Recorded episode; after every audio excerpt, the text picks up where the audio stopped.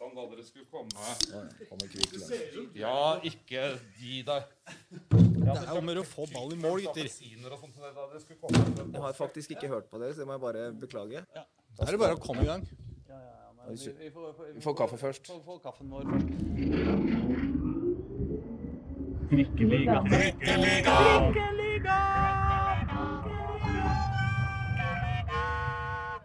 Hei og velkommen til Trikkeligaen sesong 2, episode 12. Eh, Dagsavisens eh, podkast om Oslo-fotball. Så fint at du er her, Håkon Thon. Deilig.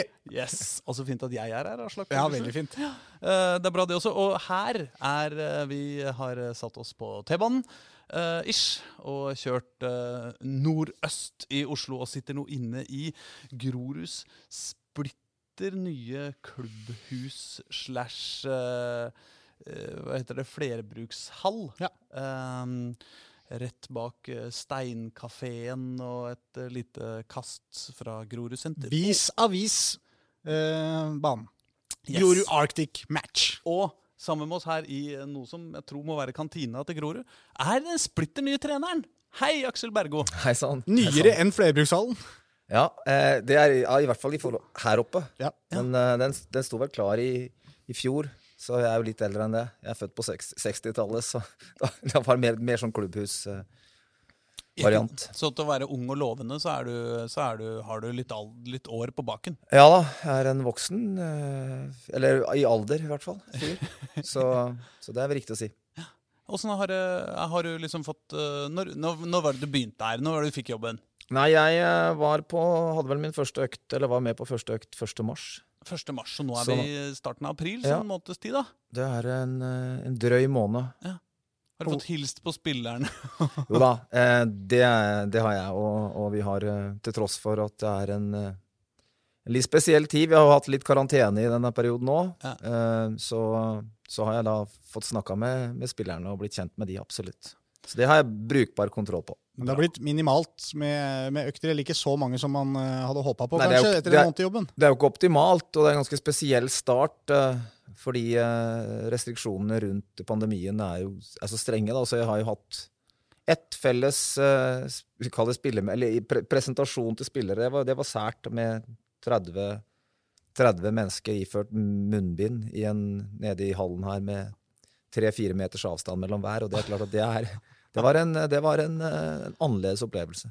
Og digitale spillemøter og Mm. det er jo Det også er jo det, det har, jeg- Jeg har ikke vært med på det på samme måte tidligere. Det har jeg ikke. Jeg tenker at Det er nytt for ganske mange nå, med sånne ting, men spesi det må være litt ekstra spesielt nå. Altså Hadde det vært en gruppe mennesker og spillere som du hadde jobba med over en god periode, på en måte, så hadde, det, hadde jeg følt at det var enklere. på en måte. Mens jeg tenker når man er helt ny i en jobb, sånn, så har man et, vel et veldig ønske om å faktisk være med de nye spillerne, blir kjent med dem sånn ordentlig så fort som mulig. Det er ikke så enkelt å bli kjent gjennom sånne digitalmøter. Nei da, altså, nei, absolutt ikke. Men eh, vi har jo Vi prøver jo å bruke tid ute på feltet. Og det er restriksjoner rundt det, og, og regelverk, og vi skal holde avstander og ikke Mm. For all del, men men, eh, men akkurat det der møtet med folk er jo det, det, det, Vi kan jo erstatte vi kan jo erstatte spillemøter og alt dette her, men, eh, men kanskje det, det vanskeligste, syns jeg, eller vanskelig og vanskelig, det utfordrende er å få, å få snakka med alle eh, godt nok i de han har sagt, de mulighetene, de rommene vi har da, til å prate. Det er ikke, det er ikke så lett. Men treningene de er sånn noenlunde normale? eller? Ja, de er relativt normale, bortsett fra at vi sto i kø her og hadde sånn hurtigtesting i går. Det er før trening, som tar litt tid. Oh, ja. Eh, Men ellers er trening, fotballtrening er, og fotballspillere og fotballtreninger og fotballtrenere Mm. og materialforvaltere og ledere og alt det, det er stort sett ganske likt, uansett hvor du kommer. Ja. Eh, eh, så så den, eh, akkurat den eh, settingen er jo relativt hva skal vi si, familiær, og den er jo den jeg må på en måte lene meg på nå da i, i en periode hvor du kan jobbe mindre med, med ja, gruppesamtaler og, og mindre møtevirksomhet grunnet smittetrykket. Da. Men åssen er det da? Har du da 25 Når dere skal ha sånn hurtigtest, har dere da 25 spillere som står i en veldig lang kø, og så stikker du pinnen Ja, de, kommer ned, alle de kommer forskjellig tid, så, de står, så køen var jo ikke så lang. Men, det, var, men det er jo det, ja. Så tar det litt kortere tid å få svar enn, det, enn normalt et døgn eller to. Det, tar bare, eller, det tok en 10-15 minutter, så for hver test. Altså, det var, men det da har man gjort det òg. Ja, jeg syns alltid det er så flaut å bli testa. Uh, for det har jo blitt noen ganger også. Ja. sant? Så, så, så får jeg sånn brekning og uh, så syns jeg det er flaut hvordan kroppen min reagerer på det. Jeg kan tenke meg sånn uh, så fotballtropp eh, Hvem var det som reagerte flauest Ja, vet du, på det der så jeg ikke etter. Men, eh, men vi er jo sånn at det sies at den femte testen i halsen, da, da, da er det naturlig for et menneske å, å utvikle en sånn, eh, en sånn eh, brekningsrefleks. Mm. Så før det så har du ikke trent på det. Eh, Men da har du fått en og Hvis vi skal være skikkelig sånn der vrang sånn faglig, da har du fått en somatisk markør på at du handler på det stimuli. Hæ? Så da har du lært, det er en lært atferd at du brekker deg når du får den pinnen ned i halsen etter hvert. Og Første gangen gjør du ikke det, for du har ikke gjort det før.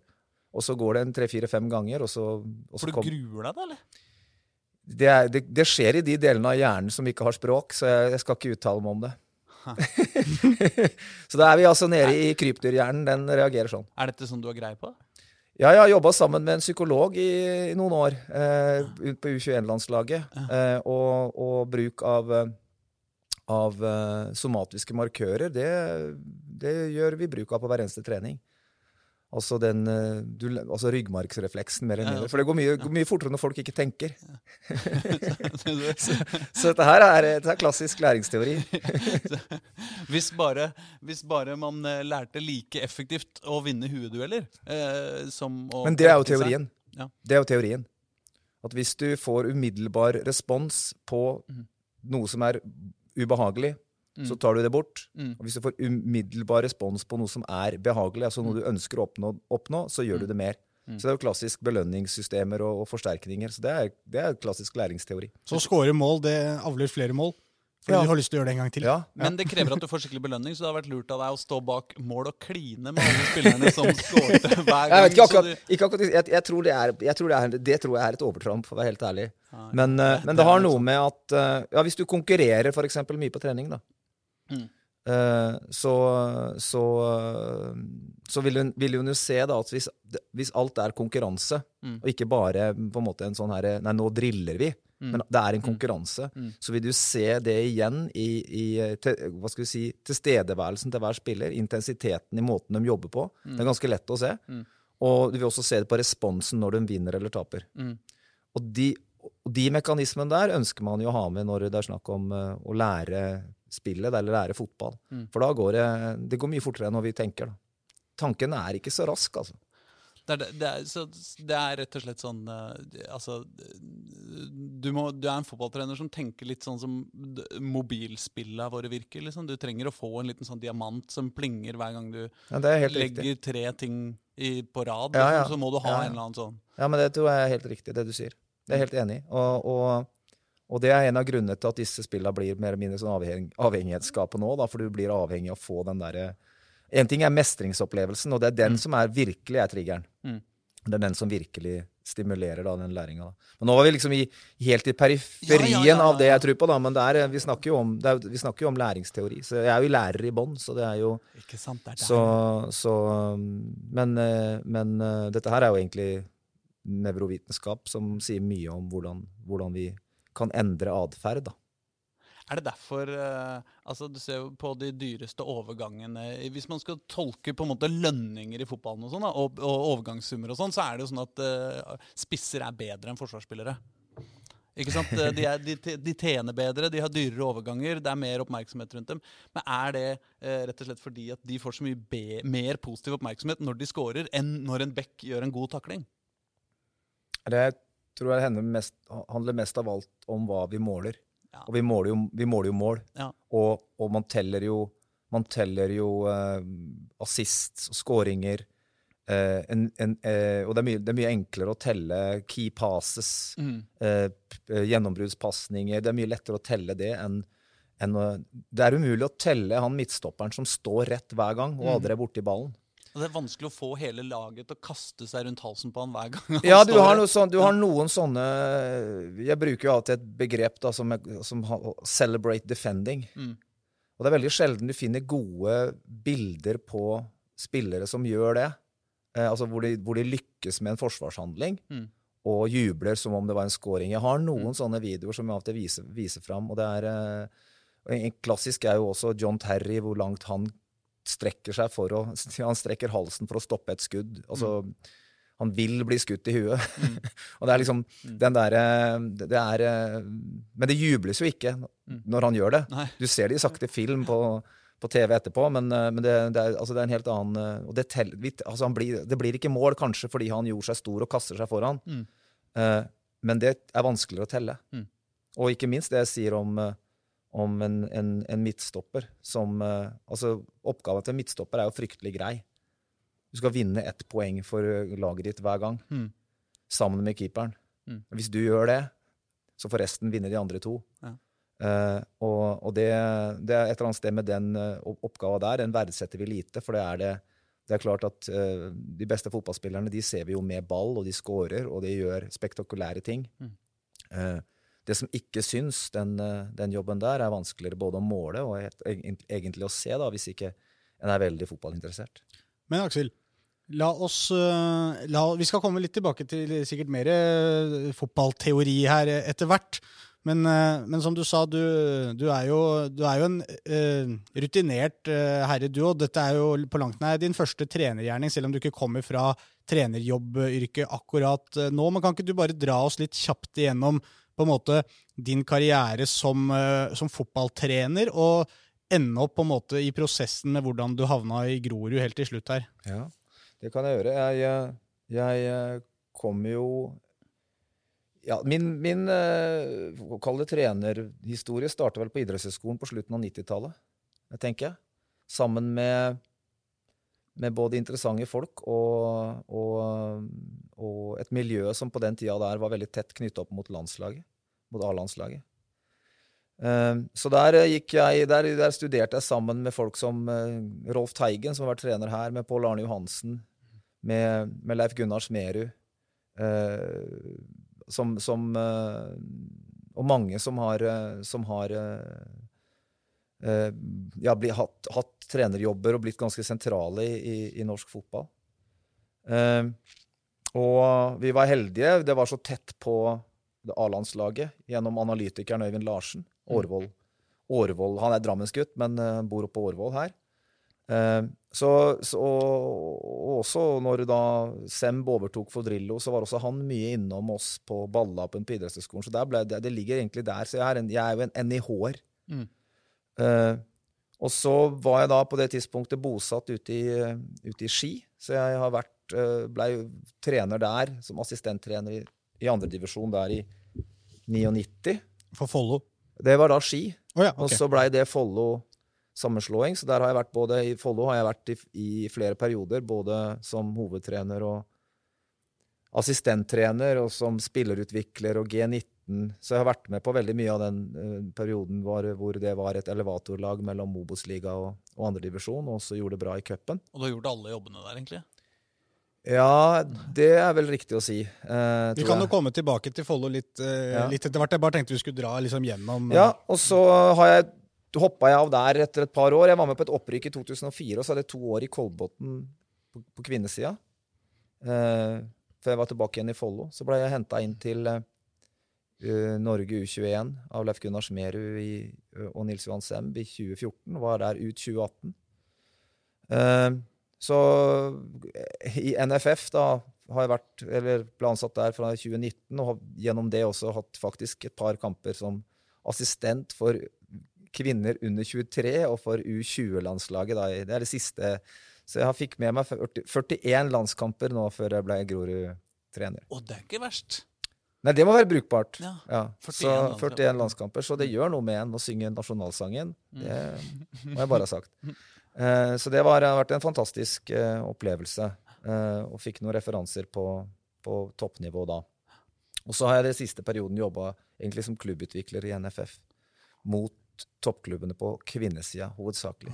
Underviser også litt på trenerstudiet. og Nei, trenerstudiet, jeg sier på trenerutdannelsen, og, og er egentlig litt sånn Jeg har, har, en Tittelen er seniorrådgiver. Jeg veit ikke hvor flatterende er å være senior. Det er liksom sånn vi over 60-ish. Så er ikke det er ikke nå om dagen, så er man seniorrådgiver fra man er 26? er Man Ja, det er noe sånn. Så, og så Grorud fra Jeg ble oppringt av Rikard, eh, styreleder Rikard Pedersen. Eh, og det kom jo sånn midt i februar, hadde han nær sagt.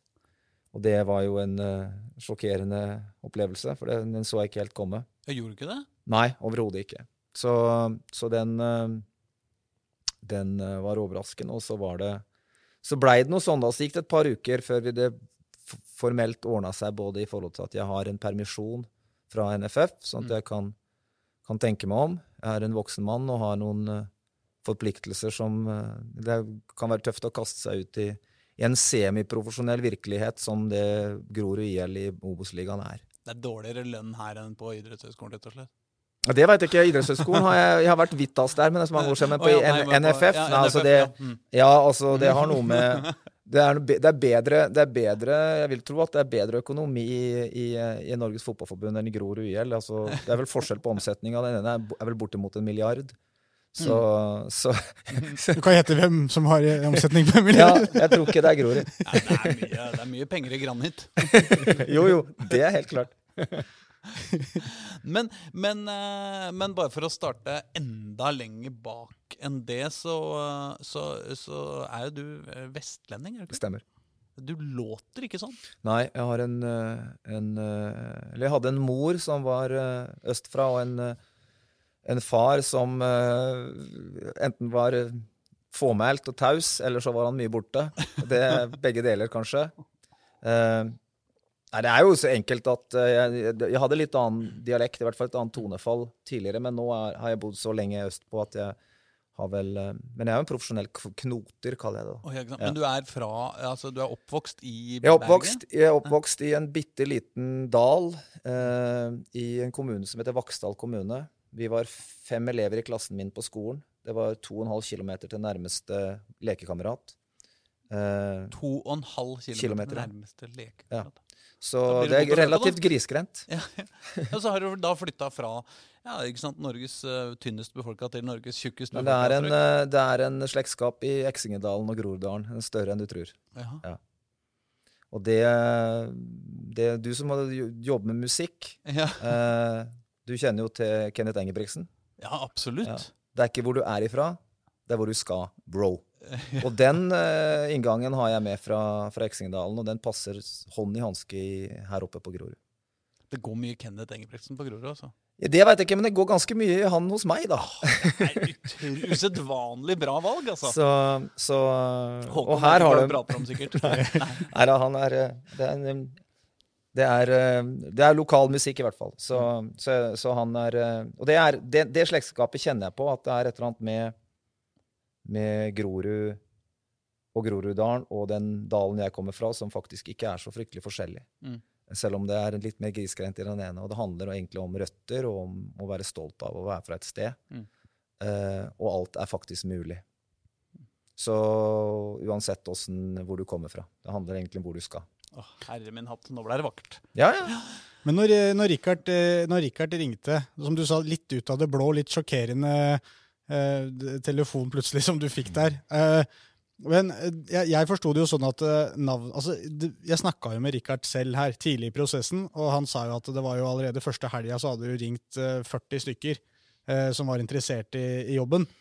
Altså, det var jo ganske mange som i utgangspunktet hadde lyst på denne jobben, så det må jo være litt stas å på en måte selv bli plukka ut av klubben som en av de som de selv ville ha. Og jeg skjønte jo sånn at eh, Eirik Kjøne også hadde jo spilt inn deg som en sånn mulig arvtaker som han så på som en som kunne føre dette prosjektet videre. Er det litt den stoltheten av å liksom bli plukka ut der, og som gjorde det vanskelig kanskje litt å si nei òg? At man ønsker Nei, liksom Nei, ikke så. Det handler veldig lite om eh, altså det, Jeg er veldig eller klar på det at jeg har ikke noe behov for å stå i teknisk sone.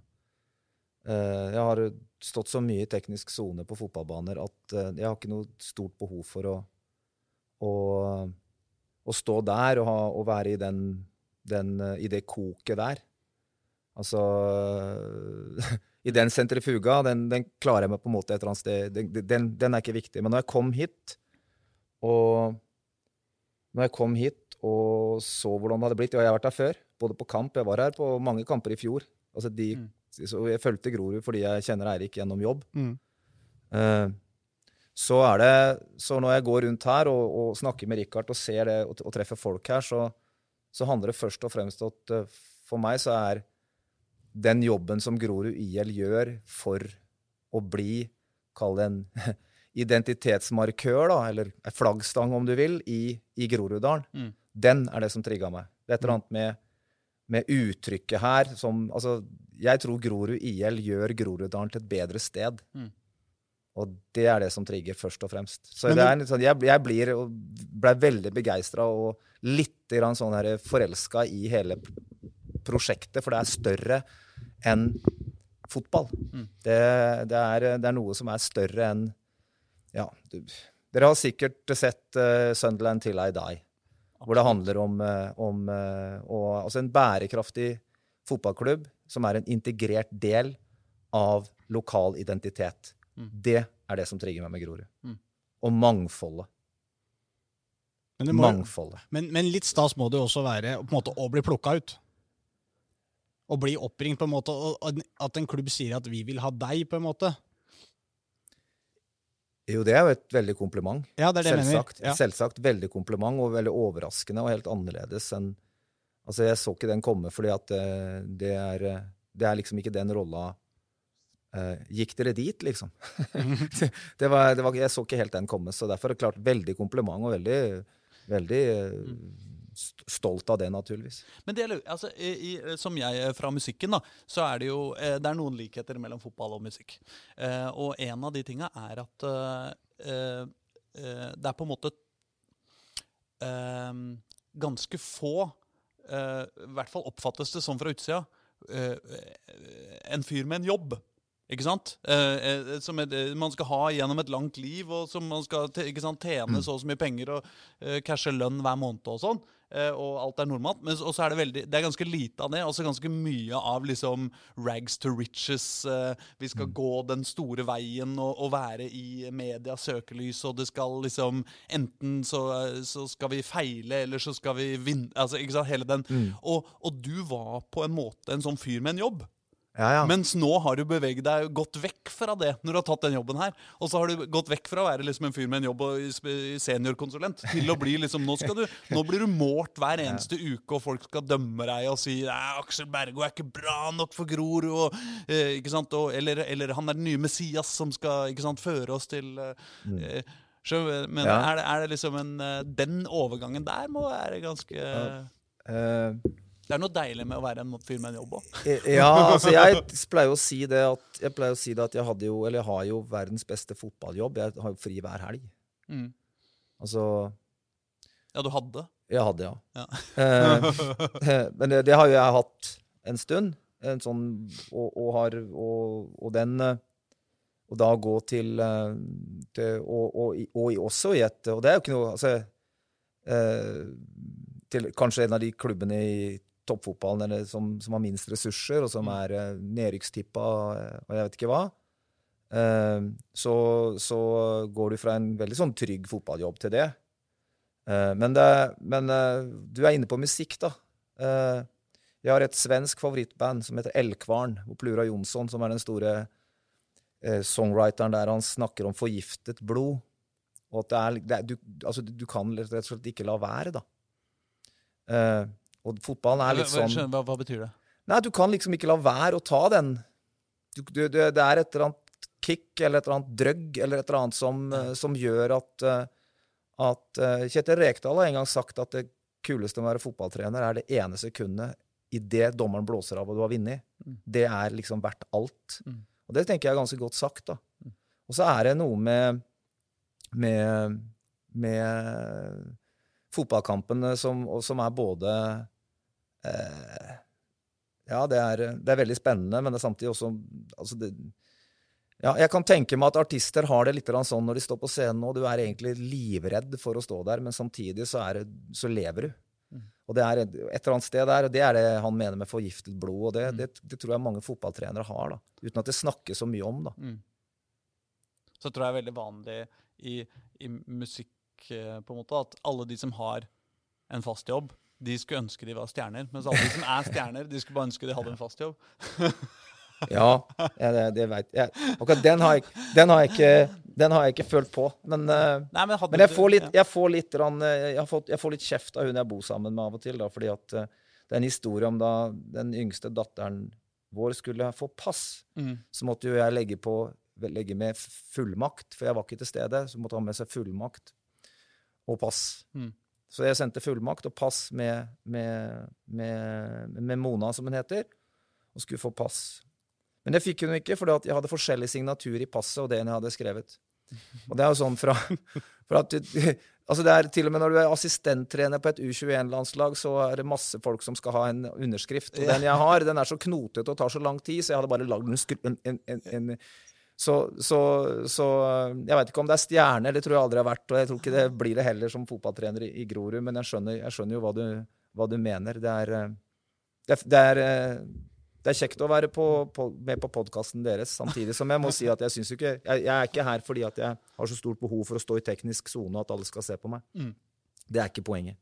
Men vi må videre. Men, Eller- ja, for et nei, sted, et, jo, nei, vi, kan, vi skal dra videre. Ja. Men uh, et sted hvor man også kan gjemme seg på en måte litt bort når man skal eh, ta turen opp til Grorud, så trenger man jo ikke å sette seg i Lamborghinien og kjøre opp, for da blir man jo godt lagt merke til. Mm. Det går an å ta kollektivt. Jeg har fått eh, noe innspill på at du er eh, veldig glad i både tog og trikk og buss og kollektivt eh, i det hele tatt. Stemmer det, Aksel? Ja, jeg er eh, Jeg mener da har, Der har jeg mitt eh, Der har jeg et sånt miljømessig alibi. Jeg har eh, 52, snart 53 år som fotgjenger.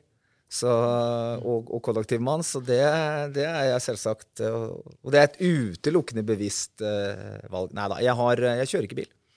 Nei. Så jeg eh, kjører tog og buss og, og T-bane. Og, og har reflekterer, eller frykter, jeg reflekterer ikke mye, men det tenker jeg lite over hvorfor det er sånn. Eller eh, det, det går helt fint. Men hvordan, eh, hvor er det du bor hen?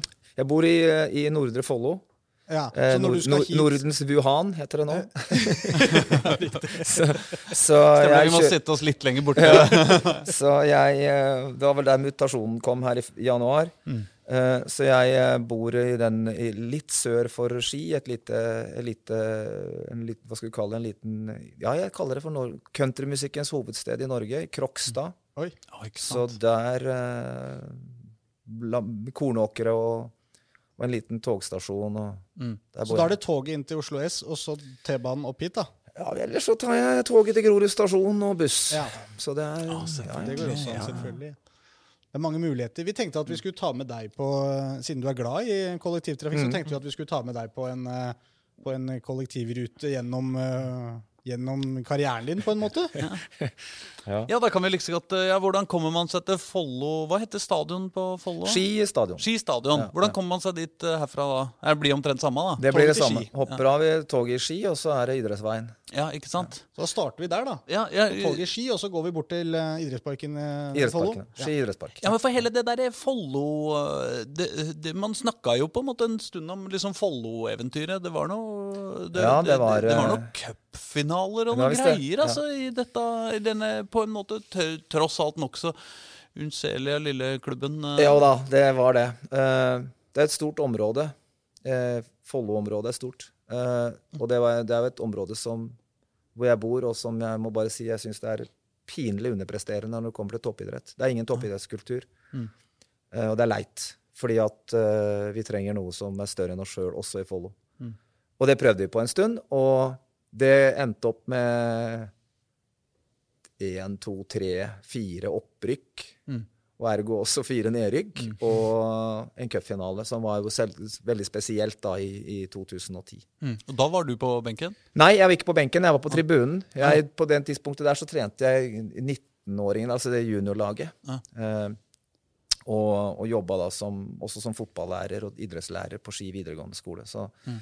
Så det var en spesiell dag. Men det, var, eh, det som ikke er kjent med den historien der, at eh, den kampen gikk tre- 15.30.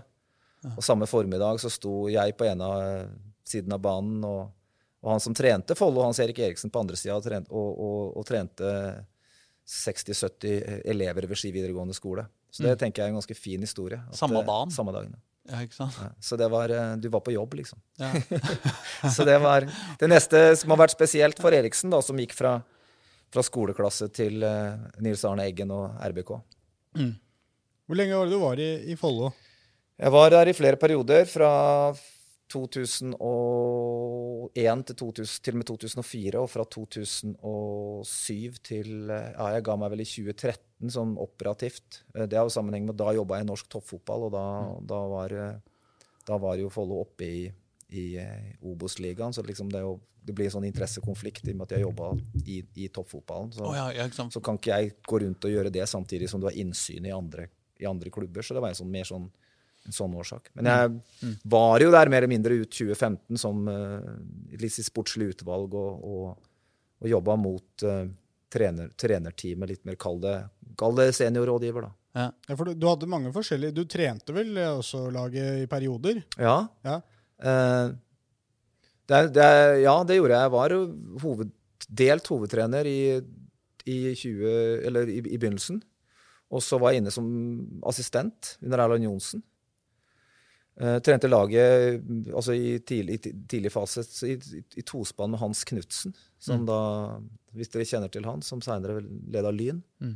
Og som også var eh, sammen med Even Pellerud da de vant VM i 95 med kvinnelandslaget. Og så var det et år med Erland Johnsen. Da rykka vi opp til Obos-ligaen. Eh, eller Adecco heter det vel da. Og så var jeg to år i, i, i Kolbotn. Så kom jeg tilbake i 2007 som spillerutvikler. Ja. Så eh, også fra 2009 så var det jo øh, kjempeøkonomiske utfordringer. Så da hadde vi et A-lag og et juniorlag. Uh, hvor jeg sto på ene halvdelen og trente juniorlaget, og, og Eriksen på andre og trente A-laget. Men det det, gjorde vi vel egentlig fram til jeg slutta i 2013. hadde dere da liksom ambisjoner om å, om å bli en, en, en eh, eh, på å si en eh, skikkelig toppklubb? Vi hadde i hvert fall ambisjon om å leve opp til en visjon som vi opplevde at hadde blitt eh, gravlagt på mange måter. Og, og i beste fall eh, eh, ble tatt fram for å sminke en sannhet som ikke var, var eh, Som ikke var eh, virkelig, da. Med at det skulle, være en, det skulle være en mulighet for lokale gutter å spille toppfotball i egen reg region. Mm. Uh, og det var vi opptatt av. Mm. Så det ene ting var at de skulle bli gode, men å komme videre. Så, så jeg har ei mappe på, på Mac-en min som, som, eh, som er eh, Hvor jeg har en del sånne skrytebilder av folk i andre drakter, ja. Det har jeg. Ja, ja, ikke sant? Hvor, ja. Mm. ja, hvem er de beste spillerne du eh, Nei, eh, beste og beste, men den som mest, mest kanskje omtalt, er nok han som er i Stabæk nå, han Fiti Masemi, som, eh, Å, ja. som, var, som vi betrakter som en av våre gutter. Ja.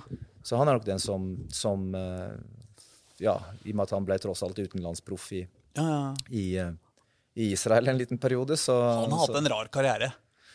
Ja, altså han, eh, han eh, slo til i Bodø-Glimt, og så har de gått litt, butta litt og Mm. gjort noen bra sesonger i Tromsø. Så jeg er spent på Han er ennå Mm.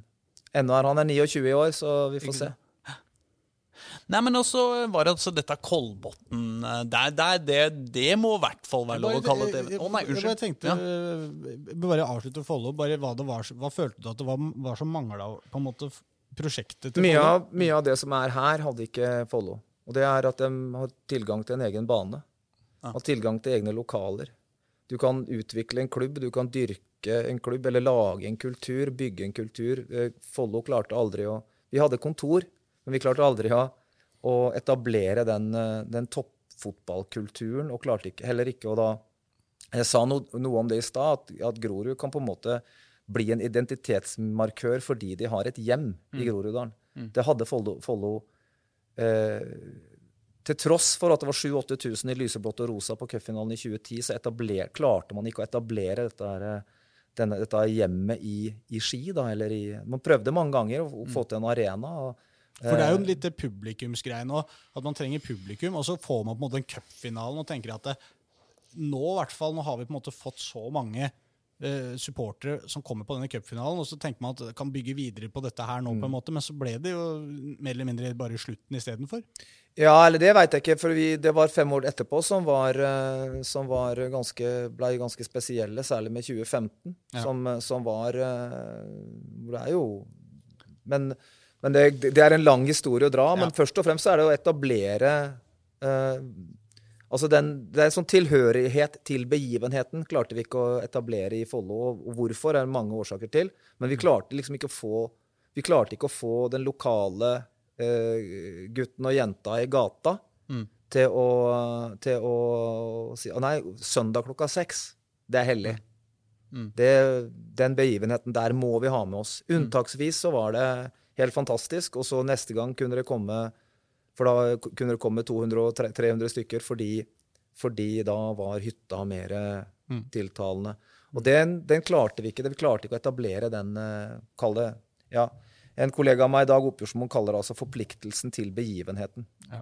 Den klarte vi ikke. Hadde morsomt navn på supportergjengen. Followers. Ja. followers ja, det er jo knallbra. Ja, det, er så, det, er, det er kanskje den store fordelen med Follo, er jo ordspillsmulighetene. Ja, ja, ja. Det er, Og, det er, og vi har snakka mye om musikk, og, og Grorud har fine låter, men det er klart at eh, det er, det er, det er mange dyktige folk som har lagd eh, som har lagd låter for Follo fotballklubb. Det var det kan jeg tenke meg at det er ikke eh, Thomas Seltzer og Vinni har vært Vinnie, der. Og, og var med, ja, jeg husker ikke alle. Det er mange. Ja. Skal, vi ta, skal vi sette oss på toget og kjøre videre mot eh, Kolbotn? ja, Det er ikke så langt. Det er ikke langt togturen. Nei.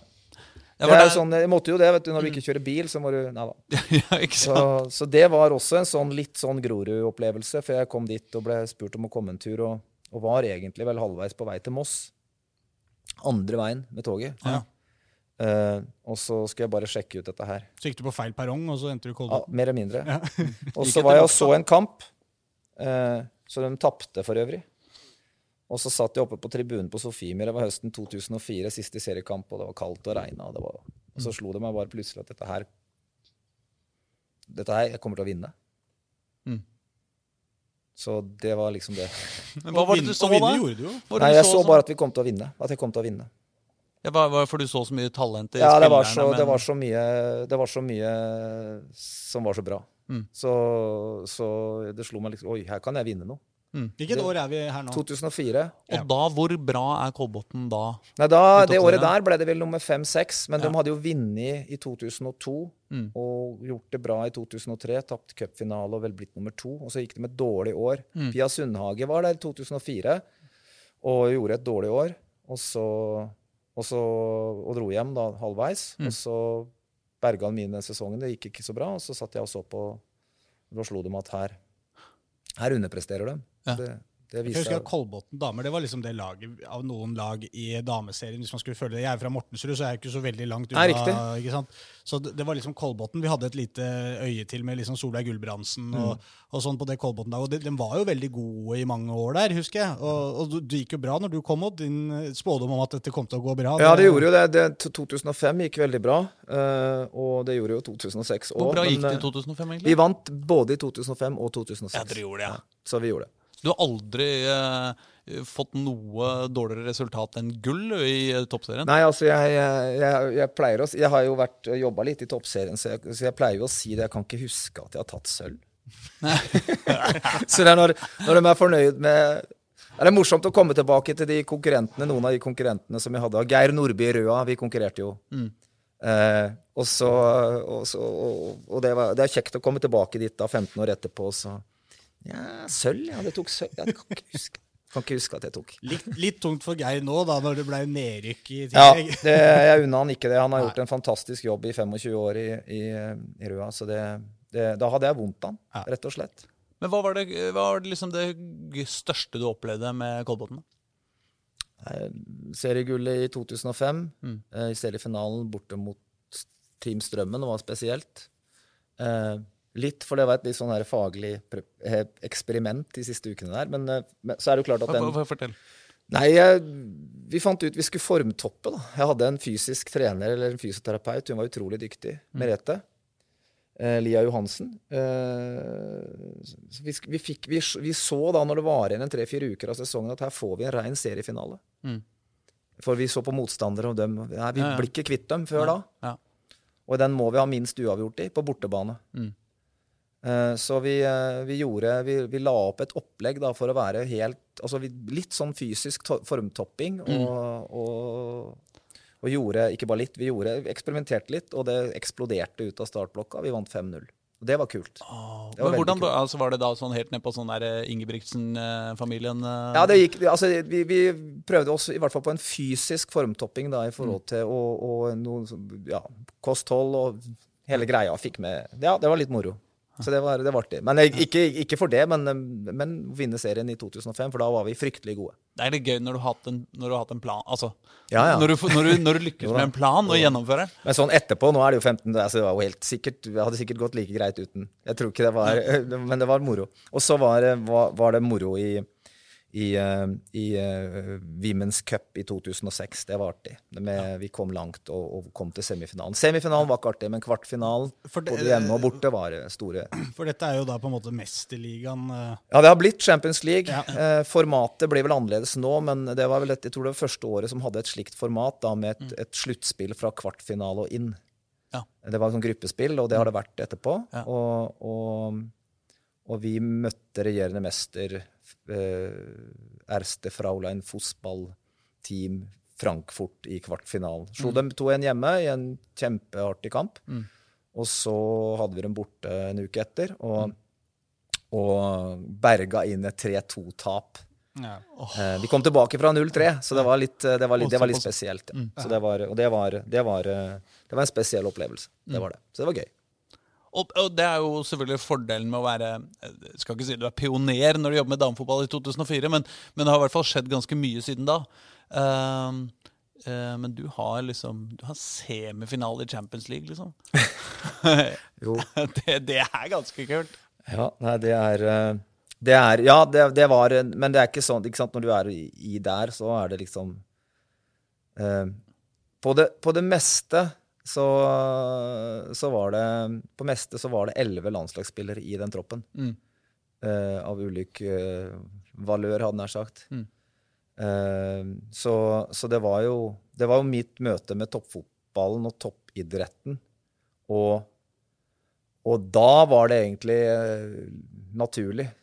Altså sånn du tenker ikke over Etterpå så har jeg liksom tenkt på det. Altså det var noen av verdens beste fotballspillere på det laget. Ja. Altså kanskje verdens beste midtstopper i Ane Stangeland Horpestad, landslagskaptein. Ingvild Stensland. Mm. Eh, Solveig Gulbrandsen, Trine Rønning.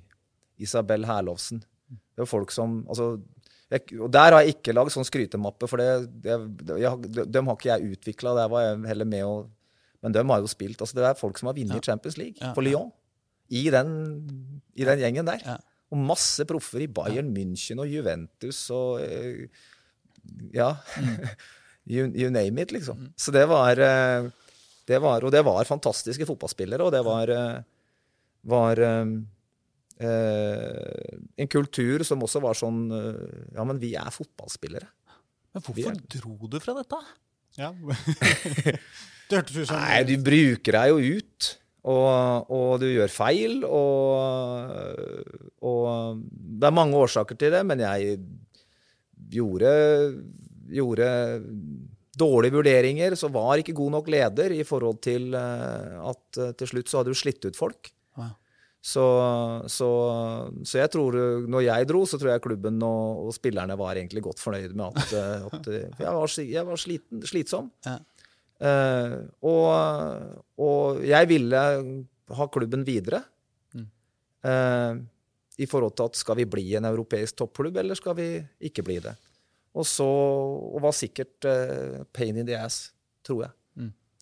Og, og ja, i ettertid jeg var, eh, så, så ser jeg jo at jeg kunne løst det ledelsesmessig mye, mye bedre. Men sånn som nå, så er det jo, det er jo en fryd å møte disse spillerne igjen nå. Og, og, og, og det har det vært hele tida. Ja. Men det var, altså, fotball er eh, Fotball er her og nå og der og da. altså Det, er, det skjer, det er intenst. Og det, det, det er ære være de som orker å, å leve med Nils Arne Eggen i ti år. Det er godt gjort, tenker jeg. Mm. Det tror jeg er Da er det Det sier Altså, det er så Lars Lagerbäck jeg jeg har vært kollega uten at jeg kjenner Lars Lagerbäck spesielt godt, men det han sier at om elitefotball, som synes jeg syns er godt sagt eh, Og det sier han at det har vi ikke lært i Norge, det har vi ikke skjønt i Norge hva det er, men det er når alt du gjør, syfter til at vinne varje fotballsmatch. Mm. Da kan hende at kynismen blir i overkant stor for noen. Mm. Og det er, det, er, det er prisen Det er toppidretten. Det er ikke alltid de mest sympatiske som, er, som vinner. Men Betyr det at da du er er, egentlig at du er, eh, at du, du, er et helvete som sjef? Nei, det tror jeg ikke. Men, eh, og jeg tror jeg blitt eh, jeg, Men jeg tror jeg kan være krevende. Og det, jeg var i hvert fall det da. Det er jeg helt sikker på. Mm. Uh, og, og Ja, det, det, det, det- det, koster å, det koster å vinne fotballkamper, altså. Mm. Og i all, all type idrett så gjør det jo det. Altså, du, du, du må gjerne De gjør noen prioriteringer. Det er ikke vanskelig å forstå hvorfor uh, Ingebrigtsen-gutta er gode. Hvis vi tror at Karsten Warholm bare går rundt og smiler, Mm. så tror jeg vi tar feil.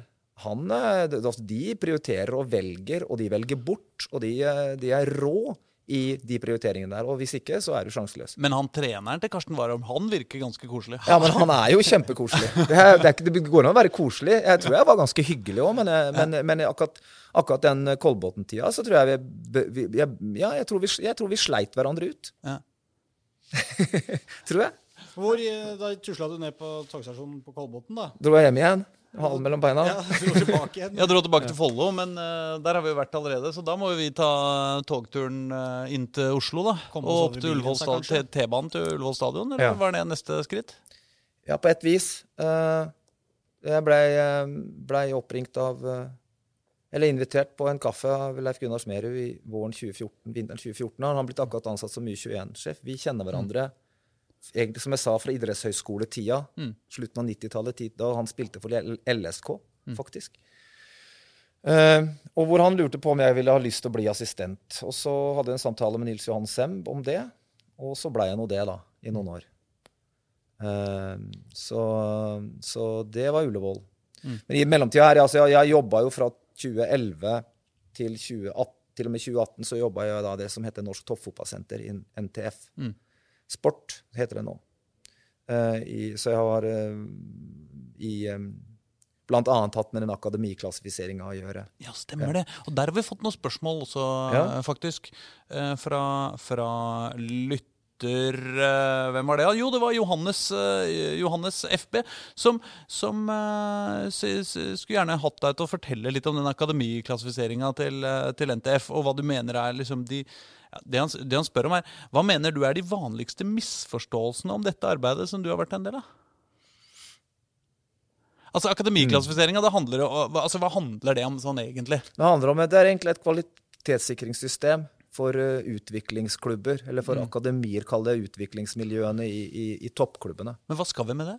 Eh, nei, det vi skal gjøre, det er å kvalitetssikre at det tilbudet som gis, gis til de som har drømmer om å bli toppfotballspillere, Mm. at, det, at det tilbudet er godt nok, og at det er internasjonalt konkurransedyktig. Er det for at de skal kunne vite det? Hvis du er 14 år og skikkelig god fotballspiller, så skal Nei, du kunne sjekke skal, de, liksom, skal, de, rankinga? de, altså. de trenger ikke å tenke så fryktelig mye over det. Men, eh, men det, det, det det handler om, er jo at, at det er veldig mye penger i fotball. Og det blir enda flere. Uh, og det er satt av utviklingsmidler fra NTF, altså TV-penger. Mm. Eh, en, en ganske anselig sum. Som skal fordeles mellom klubbene til de som driver med utviklingsarbeid, altså spillerutvikling. Mm. Det har NTF bestemt. Og det er en fantastisk eh, politisk beslutning som ble tatt av de norske toppklubbene. Mm. Eh, at vi skulle bruke så og så mange millioner per år. Og de fordeles etter hvilke er de, de som investerer i utviklingsarbeidet, får mest igjen. Ja. Og så er jobben, jobben til NTF Sport, og, og for min del, i, da jeg drev med det, den handla om å, å, å kvalitetssikre arbeidet i klubbene, slik at den fordelinga blir riktig. Mm. Så enkelt. Men er, men er tilbudet godt nok?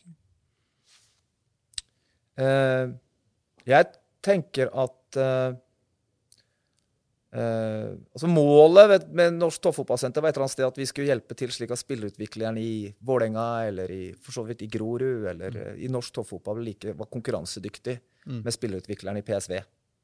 Eller i Ajax. Ja. Eller i Porto. Mm. Og Jeg tenker at det har blitt gjort et kjempearbeid i, i norsk fotball, og, og også gjennom NTF og, og Toppfotballsenteret, i å hjelpe de trenerne til å bli den best, så gode som mulig. Her på huset for eksempel, er det en del av, de, av disse unge, fremadstormende trenerne som kan bli hvor gode som helst. Altså. Mm. Uh, Som trenere. ja, det tenker jeg. Det, Allerede så har jo Grorud spytta ut uh, trenere altså på hvert fall eh, yngres nivå da, til flere lag. altså Flere som har gått til Stabæk, og det er jo ja, det er, er Moss og det er ja, jeg syns altså Eirik er et eksempel Ja, ja, på det. Han hentes hit som, eh, som, som, som assistenttrener og U21-trener under Rolf Teigen. Er her i, i to, tre, fire år. og Deretter så overtar han A-laget, og så nå videre til Stabæk, til, til, som er et, et, et skritt opp. Så, så det er jo, Og Stabæk er et, et, også et, et disse gode utviklingsmiljøene. Vålerenga er et annet.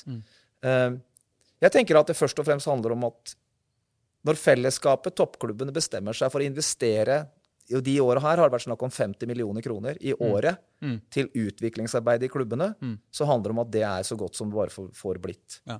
Eh, Sjekke at det ikke bare går inn i et eller annet uh, høl. Og, og Ja, Det skal i hvert fall ikke gå til en, venstre, en halvgod venstrebekk fra, fra et eller annet sted. Mm. Det tenker jeg blir helt gærent. Mm. Da skal det Ikke, ikke, til forkleinelse for venstrebekker, altså. Det, Mm. men eh, da skal det gå til eh, Da skal vi Ja, vi skal gi drømmen en sjanse, da. Mm. 'Working on a dream', pleide han å, å sitere han Øyvind Iversen i, i NTF Sport, og sitere Springsteen. Og det er det liksom, det er det de aldersbestemte avdelingene gjør. Men det er ærlig talt ikke Springsteens beste låt. altså. Nei, det er jeg helt enig i. Det er langt unna. Men eh, jeg, jeg, vi, eh, altså, vi, eh, vi må tilbake hit til Grorud Ja, og kanskje, snakke om når vi, jeg tenkte når vi først er på Ullevål og så det, bare kjapt bare, Det er jo mye unge spillere du har jobba med der, og det er mye unge spillere også i Grorud. Hva er det du liksom har, kan ta med deg fra det? Det er noen som litt sånn spøkefullt har sendt meg en melding her. og liksom, eh, hva, Hvilke av spillere tar du med deg hit til Grorud fra U21-laget? Ja, de, er, de, de spillerne Jeg kommer til å møte igjen noen, da. Mm. Som jeg, Ja. de, de, det kommer jeg til å gjøre. Det, så det er. Som du har trent på U21 og 20? ja, ja. sånn, og, ja. Jonas Grønner i Ålesund, for eksempel. Mm. Jo en av, han har vært kaptein for U21-landslaget til Smerud. Og, Mm. Uh, det, den utgaven som Ja. Uh, så nei, de fleste av de som jeg kjenner derfra, de er jo i andre klubber. Mm. uh, I andre land. Uh, og så det er jo lite å Men jeg men jeg, kan jo, jeg, jeg veit jo noe om hvorfor Birger, Meling har blitt uh, toppspiller i fransk liga. Apropos venstrebacker, liksom. Ja. Mm. Eh, Du kan og, overføre det til Jorios Ja. Unge gutter her, ja, som det kan kan ta jeg. sitt neste steg på Definitivt. Definitivt. Ja. Uh, og, og jeg hadde en opplevelse husker jeg fra en samling. Jeg kom hjem til Follo og så noen trene. Da var jeg riktignok slutta der, men jeg var også en, eh, en, en kollega. Det var han som trener Stjørdalsblink, er en tidligere kollega av meg i Follo, Tom Dent. Han hadde trening, og Tom gjorde sitt beste. Men de gutta som var der, de så jeg sa dere kan bare gå hjem. Mm. Det er ikke noe vits. Dere blir bare dårligere av det dere driver med. Og da hadde jeg sett Iver Fossum og Martin Ødegaard trene, stå igjen etter trening. Det er ikke noe kødd, altså. Mm. Det er altså en sånn tilstedeværelse, og det er, en sånn, altså det er sjela i hver eneste Og så er det ikke det at de ikke fleiper og kødder og driver med mye rart, men når det øves, så øves det altså med en sånn, en sånn eh, ja, en sånn tilstedeværelse som den, den kjenner jeg igjen. Og den kan du ha uansett om du er 17 år gammel fra, fra Årvoll, eller, eh, eller om du er en 30-åring fra, fra, fra, fra Troms, Tromsø. Det, det, den er, det er det samme. Mm. Så, så den, eh, den, tror jeg kan, den tror jeg kan ta med. Og så kan jeg ta med mye om metodikk. Og, og det handler egentlig om å bli i, på, på landslag så handler det om å bli god veldig fort. Du har kanskje to treninger, og skal du spille en kamp. Mm. Mm.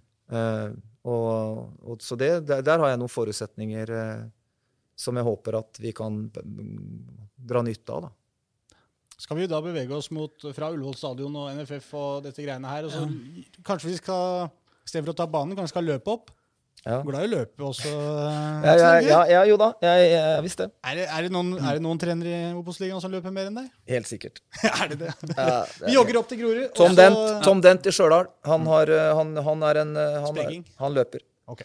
Eh, Så kjenner jeg, jeg kjenner jo ikke alle eh, trenerne i, i Obos-ligaen så godt. Jeg kjenner mer til dem.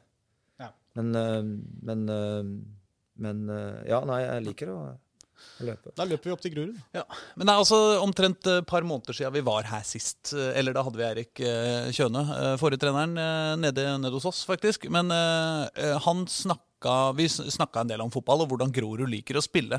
Eh, Det ble jo selvfølgelig Det kan jo være den ble fryktelig gammel, den praten, veldig fort, eh, i og med at han, eh, han stakk. Men sånn jeg oppfatta han når han snakka, så syns jeg det var to ting som stakk seg ut av hans spiller, trenerfilosofi for Grorud. Det ene var at han var veldig opptatt av å analysere hver enkelt motstander og lage en plan for hver enkelt kamp.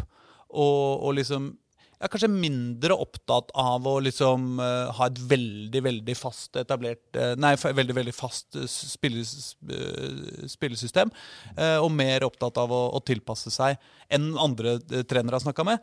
Og det andre er, og det syns jeg var interessant, at han beskrev sin favorittmåte for Grorud å score mål på. Og da sa han at det han helst vil, er at han vil ha en stikker fram til en spiss i bakrom som kommer aleine med keeper.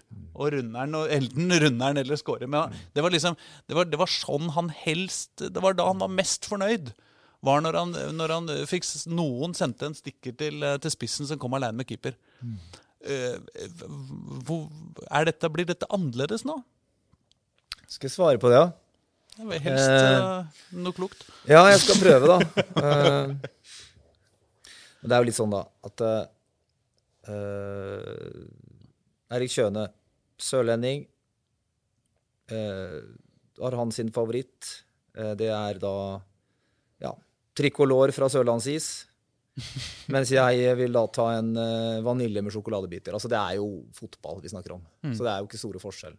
Så det er inngangen min når jeg kommer til Grorud og det har jeg lært av psykologen igjen, at uh, jeg er jo her fordi Grorud har valgt meg.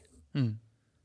Uh, og jeg er her for jeg har valgt Grorud. Og det jeg har sett av Grorud i hele fjor, det er så mye av det er så bra. Mm. Så nå skal ikke de i hvert fall gå rundt og leite etter hvordan jeg vil ha det. For da bare spill dere og vær Grorud. Mm. Så skal jeg eh, si fra på det jeg vil endre. For det som dere har, allerede gjør, som jeg syns er bra, og grunnen til at jeg er her, Mm. det endrer jeg ikke på. Men noen ting skal jeg endre. Eh, og så har ikke jeg noen sånne store eh, favoritter i forhold til hvordan mål scores, for mål er nå et mål uansett. Eh, men eh, det er alltid kjekkest å score mål på en, noe man har på en måte øvd på. Mm. Eh, og, og sikkert eh, Sikkert sånn eh, eh, dårlig bilde i forhold til musikk, da. Eh, ja, de beste gitarsoloene er impro improvisert, Mm. men de er ikke eh, de, de- kommer ikke ut av løse lufta. Og noe av det som er aller mest improvisert i musikk, er jo da er jo jazz, og jeg liker jo jazz. Så, så jeg har ikke noe sånn favorittmål. eh, Men hvis, hvis det nå skulle være sånn at Preben Mankovic bare gjør noe helt uventa, Mm. som han aldri har gjort før, som er bare pur eh, inspirasjon innafor ei ramme av det som er Grorud. Mm. Og du kan sette tall på det og gjøre hva du vil, og snakke om soneorientert eller gjennombruddshissighet eller hva det måtte være. Men hvis han gjør det, og scorer litt, noe litt uventa, så blir jeg fornøyd. Men det jeg egentlig lurer på eh, Ja. når, jeg det, eller, når, jeg, når jeg stiller det spørsmålet, er jo, er jo fordi at jeg, når jeg ser fotball, og det tror jeg mange liker når de ser fotball, å prøve å skjønne planen til treneren. Mm. Og se er det jeg ser Det jeg ser utpå her, er det et resultat av en plan? Eller er det når det går dårlig, er det da fordi at planen feiler, eller er det fordi spillerne ikke lever opp til det? Og liksom, hva er planen din? Jeg er en helt enig, men det er jo klart at dersom, dersom eh, den planen er for åpenlys, ja. så kommer vi ikke til å få det til. Altså det, for meg så er det helt ufattelig Mm. at noen fotballtrenere kan tro at uh, altså, Ta Magnus Carlsen ville aldri gått inn og prøvd å spille det samme sjakkpartiet to ganger. Mm. Da taper han. Så vi er nødt til å altså Der har jo Erik Kjørne først og fremst pragmatiker. Med mindre han da har forbedra det første altså, Ja, men da er det ikke det samme partiet. Nei, nei, nei, men det kan være det samme ganske langt på vei. Ja. Og så gjør han et nytt, Defin- litt uforventa trekk. Definitivt. Ja. Definitivt. Og det er For meg så ser fotball sånn ut. Men unnskyld meg, spilte ikke Drillo det samme sjakkpartiet gjennom hele 90-tallet? Jo, Og det gikk jo ganske bra. jo, det gjorde det. Det gikk kjempebra. Mm. Og, og sånn sett kan, det jo, kan, kan man jo si at ja, men det gjorde jo Nils Arne Eggen også. Mm. Så er ikke jeg så helt sikker på at det var så helt det samme. Neida. Det er klart at eh, og, og større grad av fleksibilitet enn en, enn, eh, det vi tror. Men jeg er i hvert fall av den oppfattelse at, eh, at en er nødt til å, en nødt til å Vi vinner ikke hvis vi spiller det samme partiet hver gang. Men det er vel noe med at når du spiller eh, At man gjerne vil spille eh, sant, det samme partiet, da, eller eh, Drillo vil spille den samme kampen gang etter gang. Men han vil jo ikke spille den identisk, men han vil ha den samme planen, den samme inngangen, for å prøve å vinne kampen. Og så hadde han jo mange planer. Altså Hvis kampen utvikler seg i den retningen, så må vi gjøre det. Hvis den går den veien, så må vi gjøre sånn. Eh, Og det er jo litt det jeg føler at Grorud har vært litt på leit etter her nå også, når de har henta deg. Det at man trenger kanskje en plan B og en plan C. da. At man har på en måte et bra, en bra plan A, men at du kanskje kan tilføre dette laget her, eh, som du sier, da, noen, eh, noen enkle nye ideer på hvordan man, kan, eh, hvordan man kan ta poeng i de kampene man ikke gjorde i fjor, der hvor måte plan A ikke fungerte, og man sleit litt med å finne plan B. Det er vel på en måte det du er litt Som du sier, du skal fortsette med det, spill Grorud-fotballen deres, men du har vel på en måte kanskje kommet inn og skal justere på noen knapper her, da. Mm. Ja eh, abs absolutt. Eh, og så og så er det jo spørsmålet da eh, altså Egon Olsen han også hadde jo en plan. han, han havna vel på Botsen stort sett hver gang. Så det er ikke alltid altså det kan være, Planen kan ha vært god. Eh, Utførelsen utførelsen kan ha vært dårlig. Det kan ha vært en dårlig plan, men derimot en god utførelse. Eh, så dette her må vi jo finne ut av sammen. Men klart at, at eh, jeg tror sånn, i, Hvis det er sånn at jeg tror på at vi må være fleksible, en, og, en, og en viss grad av fleksibilitet og tilpasningsdyktighet, det er jo rein darwinisme, for å vinne poeng, Mm. så, så må jeg også ha, ha noen eh, Hva skal vi si noen Jeg må ha en, en, og, en og annet eh, Må kunne dra opp et eller annet fra hatten som, som eh, virker mot et eller annet type spill. Mm. Eller et eller annet type eh, framgangsmåte, et mønster fra motstanderne. da. Uh, det, det, samtidig så er fotball ganske enkelt. Mål skåres fra det samme stedet nesten hver gang. Mhm. Eh, det, det, det, det, er, og det slippes inn mål fra nesten samme sted, så det handler egentlig om å ha kontroll på det. da. Men hva er dere trener, eh, hva er dere trener på om dagen? da?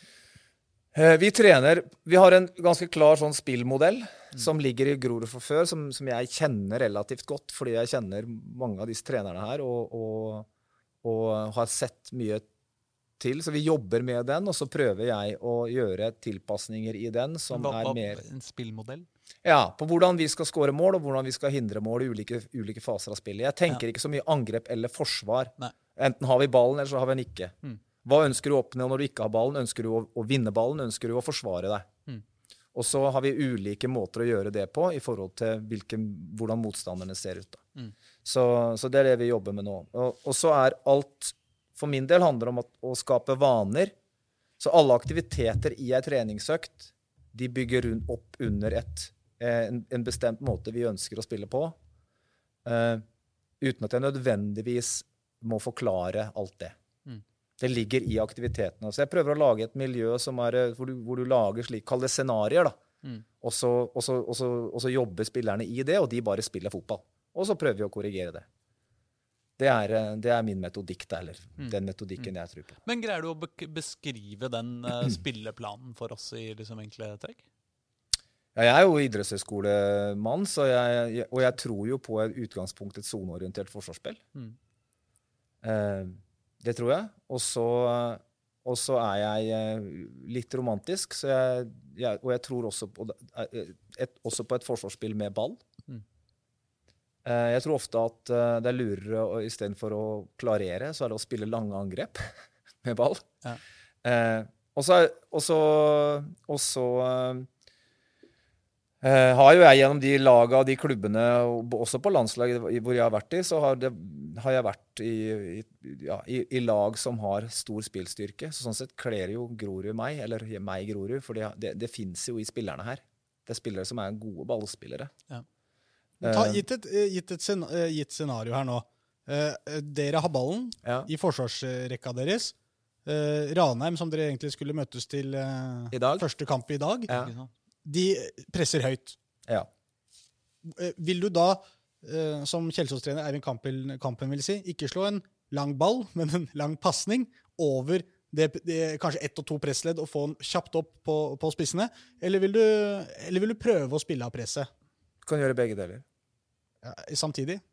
Nei, ikke i samme angrep, men, eh, men jeg tenker at det er jo den variasjonen der vil være hensiktsmessig. Altså, Gro Men, men dette har er altså, første, første, første gang i kampen. Det er spilt to minutter. De kommer høyt. Og det er 1-1, sa du ikke det? Nei, nei, Nei, nei, nei, Ja, men ikke sant, også, også, eh, Hva på en måte vil være institusjonen eh, Vil det være forskjellig da, kanskje når man møter Ranheim kontra når man møter et annet lag? Er det det på en måte at inngangen vil være forskjellig der? Ja, Jeg tenker det. Ja. Og så justerer man underveis i kampen dersom Ja, det man starten ja. ikke fungerer? Ja, det, og, og at uh, Jeg vil jo håpe at vi har øvd så mye på det vi møter i Ranheim, at vi har, uh, at vi har uh, en strategi da, for hvordan vi skal løse akkurat det du sier. Mm. Og da vil jeg jo gjerne se at vi prøver å gjøre det på den måten vi har øvd på. Mm. Og den kan være å sette den opp rett bak dem. Det gjorde Grorud med bravur Mm. oppe i Ranheimsfjøra i fjor vår. Ja. Eller det var ikke fjor vår, det var jo midtsommers, men uh, Ja. Vårsesongen. vårsesongen. eh, I en omgang. Og så, og så blei det litt for tøft i andre. Eh, så jeg tenker at en, eh, da, Om det var planen var noe veien med, eller utførelsen, det skal ikke jeg diskutere. Men det var i hvert fall ikke noe veien med den planen i første omgang. For Det er jo det som er litt interessant som fotballtrener, synes jeg. Det at eh, du gjør forberedelsen som Magnus Carlsen. Kommer de til å spille sånn eller sånn? Du, du antar Ranheim vil presse høyt, eller Ranheim kommer ikke til å presse høyt. Det er liksom første steg. Og så ser du på gamle kamper, og så ser du Ranheim de gjør det på den måten. Okay? Og Da tror jeg at beste måten for oss er å gjøre, eh, enten spille oss ut eller å slå langt. Det er jo det som er på en måte forberedelsen til kampen for en, for en trener. At du må analysere motstanderen Ja, ja. Og, og finne ut Ja. tror vi de kommer høyt, eller tror vi ikke de kommer høyt. Og, og da kan jo de overraske.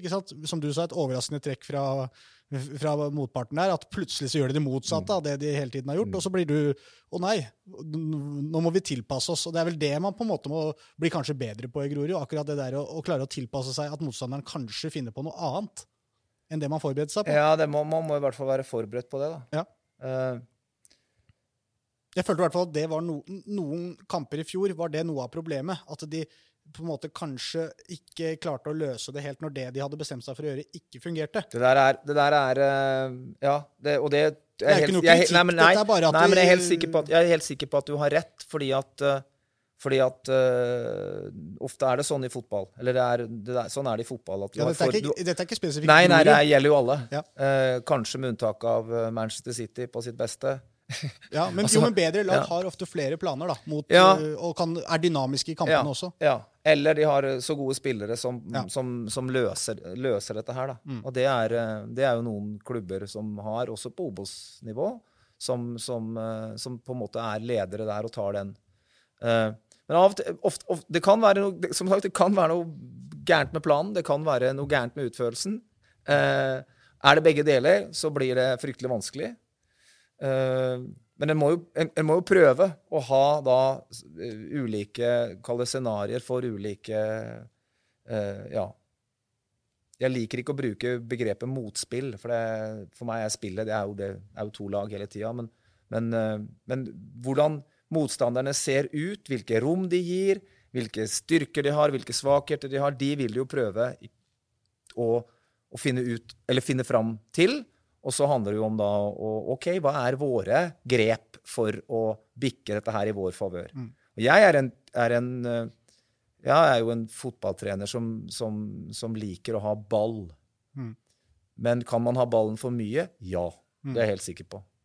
Eh, og så er det hvilke faser skal du ha han i? Når er det gunstig å ikke ha han så mye? Når, er det, når skal vi gi den bort? Når skal vi, uh, og hvor skal vi gi den bort? Det, det er jo en morsom greie som jeg noen ganger har tenkt Hvis du ser de beste lagene, da.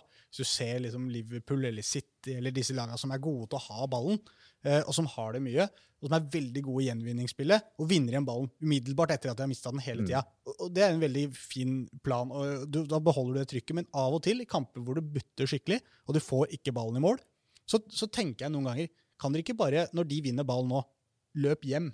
Og la, frist dem litt. Få dem oppover på banen. Og så prøv å få til en kontring istedenfor, for det blir så lange sekvenser hvor, hvor du bare trykker og får ikke ballen i mål. Og det er sånn noen ganger jeg i hvert fall har tenkt at det, Lokk dem litt opp på Ja. din side, da. Ja. En gang. Prøv. Ja. Eh, jeg tror på det der, jeg, Ja, som sagt, jeg tror på den variasjonen. Mm. Uh, absolutt. Men det blir kanskje ikke Groruds problem i år. At man har ballen for mye. Eh, At man har ballen for mye. Kan bli. Det er mange lag i Obos-ligaen som ikke trenger å ha ballen mye for å likevel vinne kamper, og har det som plan. Ja, det er eh, Jeg har vært med på lag i Obos-ligaen som har hatt ballen 80, nesten, ja, borti 80% på berykta bortebaner og, og tapt. Mm. Så, det, så, så det er jo I hvert fall spilt uavgjort. Så, så du Jeg skal ikke Men det er ikke noe mål i seg sjøl. Ballbesittelse er jo ikke noe mål i seg sjøl. Men hvordan ser du eh, vi, vi må begynne å, begynne å, begynne Ja. å runde, altså, men, men hvordan ser du eh, Hvordan ser du på den sesongen som kommer nå? Er, altså, det er jo litt sånn eh, ikke sant? Dere har hatt, I fjor hadde Grorud noen gode perioder, men også noen veldig dårlige perioder. Man har mista en del spillere som var bra. Er det en litt Altså, Er det en kamp for å overleve i Obos, eh, dette, eller skal dere slåss? Obos-ligaen Obos. Obos-ligaen er jo Obos-ligaen. Obos-ligaen er sånn, og det er særlig for unge, nyopprykka, urutinerte, lite etablerte lag, så er det sånn at du går i garderoben etter kamp, og så har du ah, Det blei bare ett poeng. I dag skulle vi hatt tre. Og en annen gang så går du ah, Nei, i dag hadde vi fortjent et poeng, men nei, det ble null. Sånn er Obos-ligaen. Det er virkeligheten til, til Grorud. Så det handler egentlig om eh, hver dag uansett. Altså Det er det som er hele poenget. Du har eh, Du må ta de mulighetene du får. Og, og, og det å sanke sammen I fjor var det 34 poeng. I gamle dager så var det nedrykk. Mm. Ikke så lenge siden heller. Jeg har vært med å rykke ned to ganger på 34 poeng. Mm. Eh, i, år, i, år så bar båten, eller i fjor så bar båten. Mm. Og, og Grorud en liten klubb. Eh, res, lite ressurser sammenligna med en del andre. Klart at det blir steintøft, men samtidig så er det gode fotballspillere. Mm. Og det er ikke én motstander i Obos-ligaen som Grorud ikke kan slå. Mm. Så handler det bare om å sette sammen eh, mange nok kamper da, som gjør at du får nok poeng.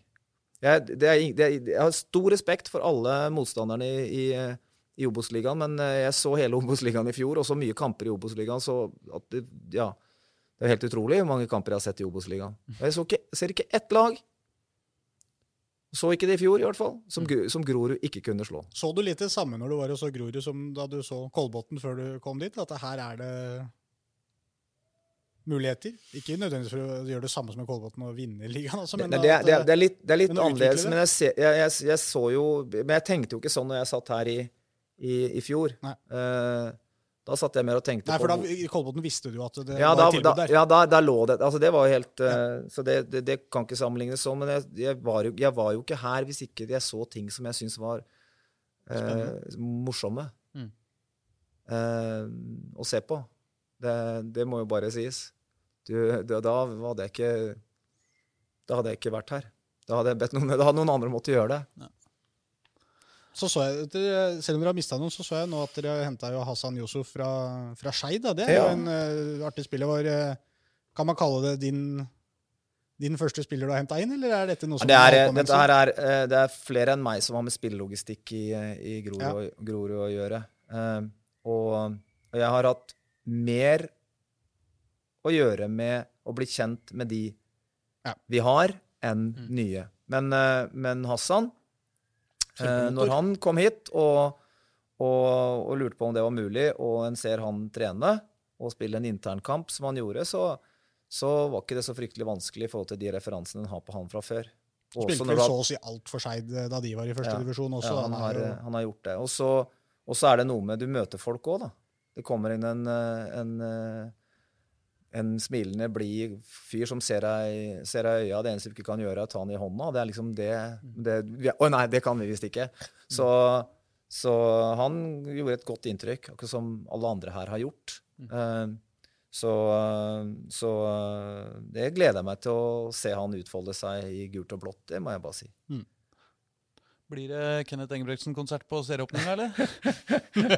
Eh, Nei, jeg, jeg skal ikke si det, men, eh, men eh, det er ta telefonen. ja, det er mye Det er mye bra det er mye bra i Grorud og i Groruddalen når det kommer til, til sånne type kulturelle uttrykk. da. Så, så, og det er for meg er det Jeg må jo finne Ja, den derre lokale identiteten, den, den, er jeg litt opptatt av. Mm. Det er, det er eh, Fotball er ikke under, Det er også underholdning, men det er ikke underholdningsindustri. Det er mye større enn det. Mm. Det er Du kobler musikk og fotball sammen. Det er jo en kjempesammenkobling. Det neste er, det står en statue rett der borte av Johan Falkeberget. Mm. Hallo. Altså, Da begynner vi å snakke. Har vi jo tatt litteratur nå? ja, ja, men det er, noe, det er noe kultur i veggene. Men eh, ja. problemet ditt er jo at uh, unga oppe i Rankollbakken, eller hva det heter, uh, uh, går med Barca-drakt ikke sant, på skolen. Ja, men de er jo, akkurat Barca vet du, det er mer enn en klubb. så, så det, det, får være greit. ja, men du må få på deg en Grorud-drakt? Selvsagt. Altså, i, er det i Bergamo hvor er i Bergo, Når det fødes et barn på sykehuset i Bergamo, så får de en Atalanta-drakt. Mm. Så det er en grunn til at uh, den lille byen der kan være i toppen av Champions League òg. Mm. Så det er jo en lokal uh, identitet. Og jeg har vært to, to, turer i Baskeland og sett fotball. Mm. Det anbefaler jeg. Reis nå. Ser litt spøkende ut med Eibar, men, uh, men reis til Eibar og se fotball. Det er helt spesielt. Skal ikke du egentlig oppfordre til å komme til Grorud og se på Jo, men det er Eibar Light, vet du. Ja, ja, det, er, det er den minste toppklubben i Norge, tenker jeg. Ja. Så det Det er det nok, ja. Jepp. Og det er Eibar òg. Mm. I, I de fem toppligaene i Europa. Minst i klubben. Så Grorud, Norges Eibar. Yep. Ikke sant? Nå skulle jeg bare hatt noen sånne baskiske slagord til å slenge ut av meg, men Auskal her i Jeg ja. husker ikke. Det er ikke så lett, det der. Jeg er blitt for gammel. Ja. Aksel, tusen takk for at vi fikk komme. Bare hyggelig. Lykke, dra ut tida di veldig. Lykke til med serien, når det nå blir, og uh, hvordan det nå går. Takk for det. Så snakkes vi. Det gjør vi. Ha det. Hei. Ha det.